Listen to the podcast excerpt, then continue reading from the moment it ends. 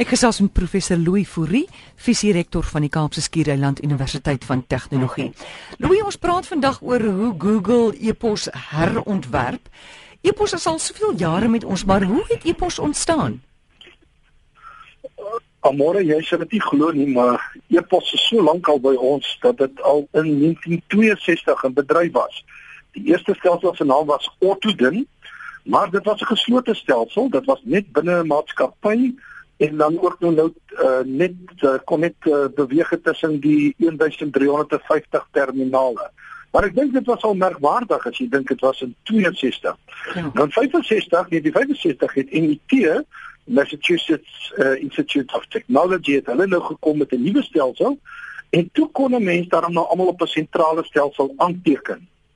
En daarna het ook klomp diverse stelsels gevolg, maar weet jy, die probleem was, die goed kon nie met mekaar praat nie. Dit jy kon nog nie 'n e-pos rondom die wêreld stuur nie.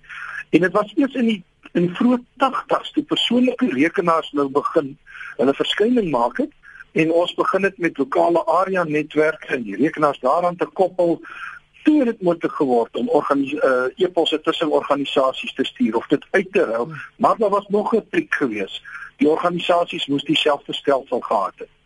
En dit was eers wil ek amper sê by die 90s rond amper wat standaardisasie van die protokol uh van e-posse nou uh, uitgesorteer is. Jy kon dit van toe af uh dis maar onlangs wil ek amper sê kon jy dit na enige rekenaar wat aan die internet gekoppel is kon jy dit dan stuur.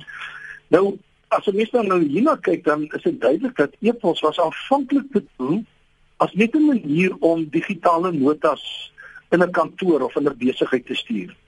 Maar nou weet ons vandag is dit ons nou veel meer. As jy 'n foon het, 'n slimfoon of 'n goeie selfoon in jou sak, dan kan jy e-pos aan enige iemand wat 'n e-posadres het in die hele wêreld stuur. En dit kan wees van jou beste vriend tot die eienaar van jou geliefde restaurant. So hmm. uh, daar het nogal baie verander oor die jare.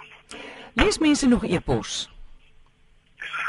Wie jy uh, dis is dis 'n interessante vraag en daar's 'n groot debat daaroor want hulle sê die die die evolusie van e-pos oor die oor die jare het so baie nuwe uitdagings gebring. Kyk ek ons kry meer e-pos as ooit tevore. Ek weet nie of dit jou ook so is nie, maar dit dit loop sommer in die honderde en soms is dit net te veel om te lees. Mense het nie tyd om dit alles te lees nie.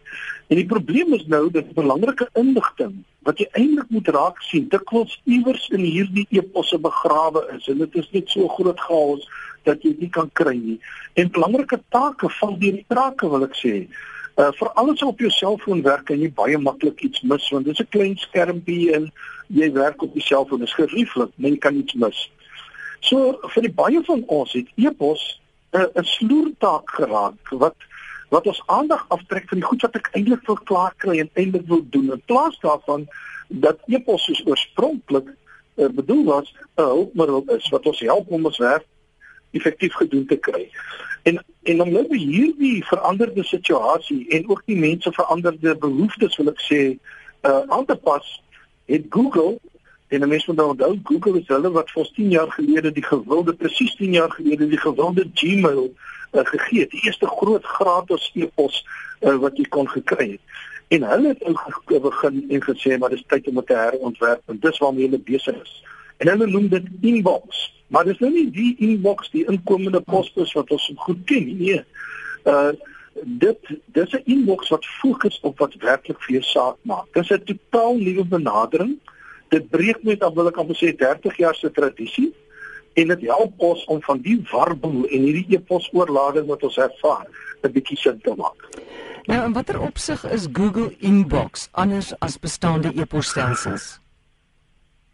Inbox is nogal 'n hele klomp opsigte anders. Uh, ek wil amper sê as ek dit moet opsom, dan sal ek sê uh, uh, Inbox het 'n baie meer intelligente benadering vir gebruik van e-pos. En hy hy werk nog saam met uh, jou gewone Gmail so, uh, e-pos wat jy het.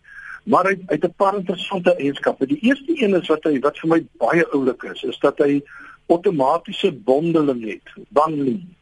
Hy bring jou eposse uh, wat uh, soortgelyk is bymekaar. Met ander woorde, outomaties rangskik hy vir jou in 'n groep al jou aankoopbewyse, al jou bankstate in 'n ander groep, al jou vliegkaartjies en so in 'n ander groep en al jou vriende of uh, in 'n sekere groep. Dit maak die hantering makliker en, en en jy kan selfs die inbox uh uh inbox kan jy leer of ons sê wat moet hy saamgroepeer. Dis die eerste ding. Die tweede ding wat vir my baie oulik is, is 'n funksie wat hulle highlights noem. Nou highlights beklemtoon sekere sleutelinligting in 'n belangrike e-pos.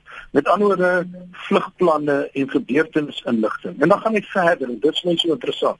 En hy vertoon selfs bruikbare inligting wat hy self op die web gaan soek het wat nie die oorspronklike pos was nie en hy sit dit in die pos. So as jy nou gaan kyk na jou e-pos oor jou vliegkaartjie wat jy aanlyn bespreek het, dan sê jy ook vir jou wat is die status van die vlug? Die vlug is vertraag.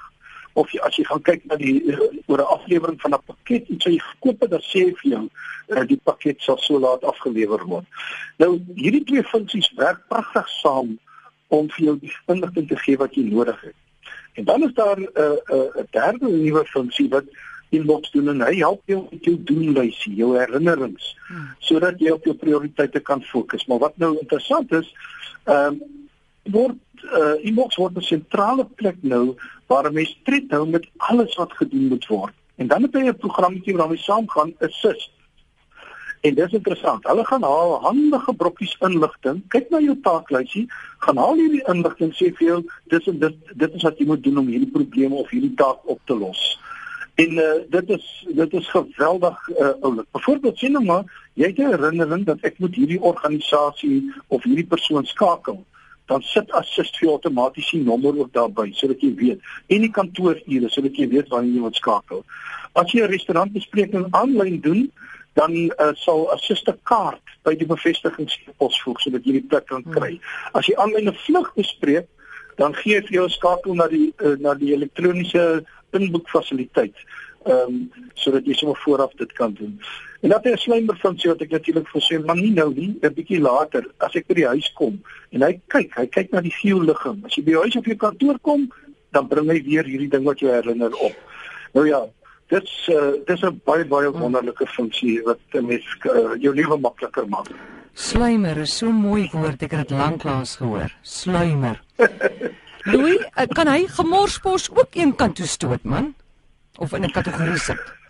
Hy sit vir jou die gemorspos uh, uh in 'n kategorie. Wie wat doen hy? Wat oulik is wat uh, uh mens kon 'n bietjie daarvan by Gmail al sien in die mobiele applikasie.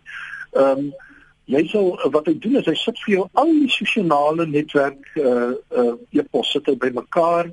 Hy hmm. sit vir jou al, hy gooi by my al die advertensies bymekaar. Al die ouens wat iets aan my wil verkoop en dan gee ek dit sommer net uit. Hmm. En hy kan 'n hele klomp gemorspos gooi bymekaar vir jou. Die wat nou deur jou filters gegroot het. Goed. Louis, ons het nou net so 'n minuut of so oor waar kan mense wat belangstel hierdie nuwe Google inbox in die hande kry?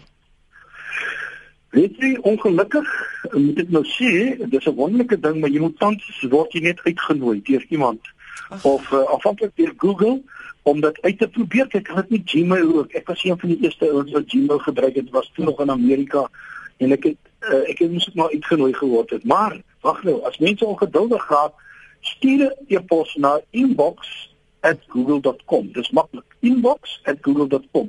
Of jy kan gaan na hulle webwerf www.google.com en dan 'n vorentoe streep inbox. Hmm. En daar op die regterkant bo se skakel, klik net daarop.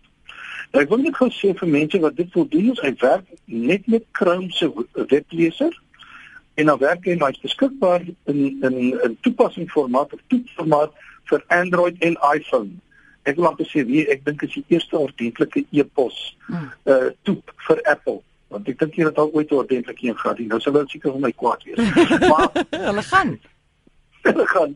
En ek wil net sê dat een ding op die oomblik is hy net vir selfone beskik slimfone beskikbaar en nog nie vir tablette nie. Hulle sê dit sal kom. Hmm. maar hulle is eers besig om dit te toets. Maar gaan gaan gaan vra vir een. Ek het dit reg gekry. Ja en jy het reg gekry maar jy's uitgenooi man. Nee Nee, wat hulle my nog hulle weet nie van my in Suid-Afrika nie. Louis, dit slegs vir Gmail, né, nee, as jy Gmail rekening het. Jy moet 'n Gmail rekening hê. Ja, ja, want hy werk saam met hy werk saam met jou Gmail op die oomblik. Maar ek wil regtig sê hy maak jou lewe maklik.